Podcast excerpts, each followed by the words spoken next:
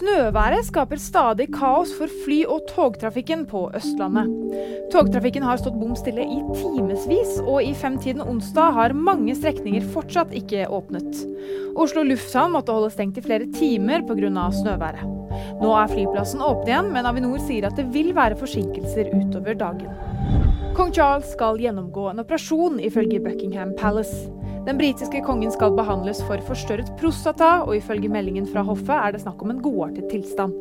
Det forventes at kongen vil utsette sine planlagte oppdrag for en kort periode. Skal vi danse settes på pause. Det populære programmet vil ikke bli sendt i 2024.